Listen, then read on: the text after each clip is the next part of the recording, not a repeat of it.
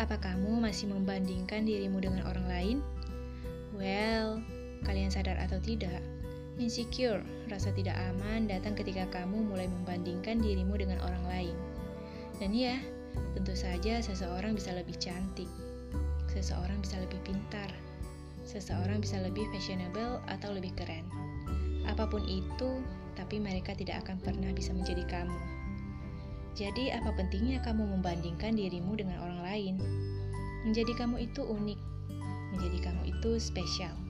Jadi, ketika kamu mulai menerima siapa kamu, maka kamu akan mencintai dirimu sendiri. Percaya deh, kamu tercipta untuk terlihat seperti kamu. Kamu tidak tercipta untuk terlihat seperti orang lain. Tetap percaya diri ya.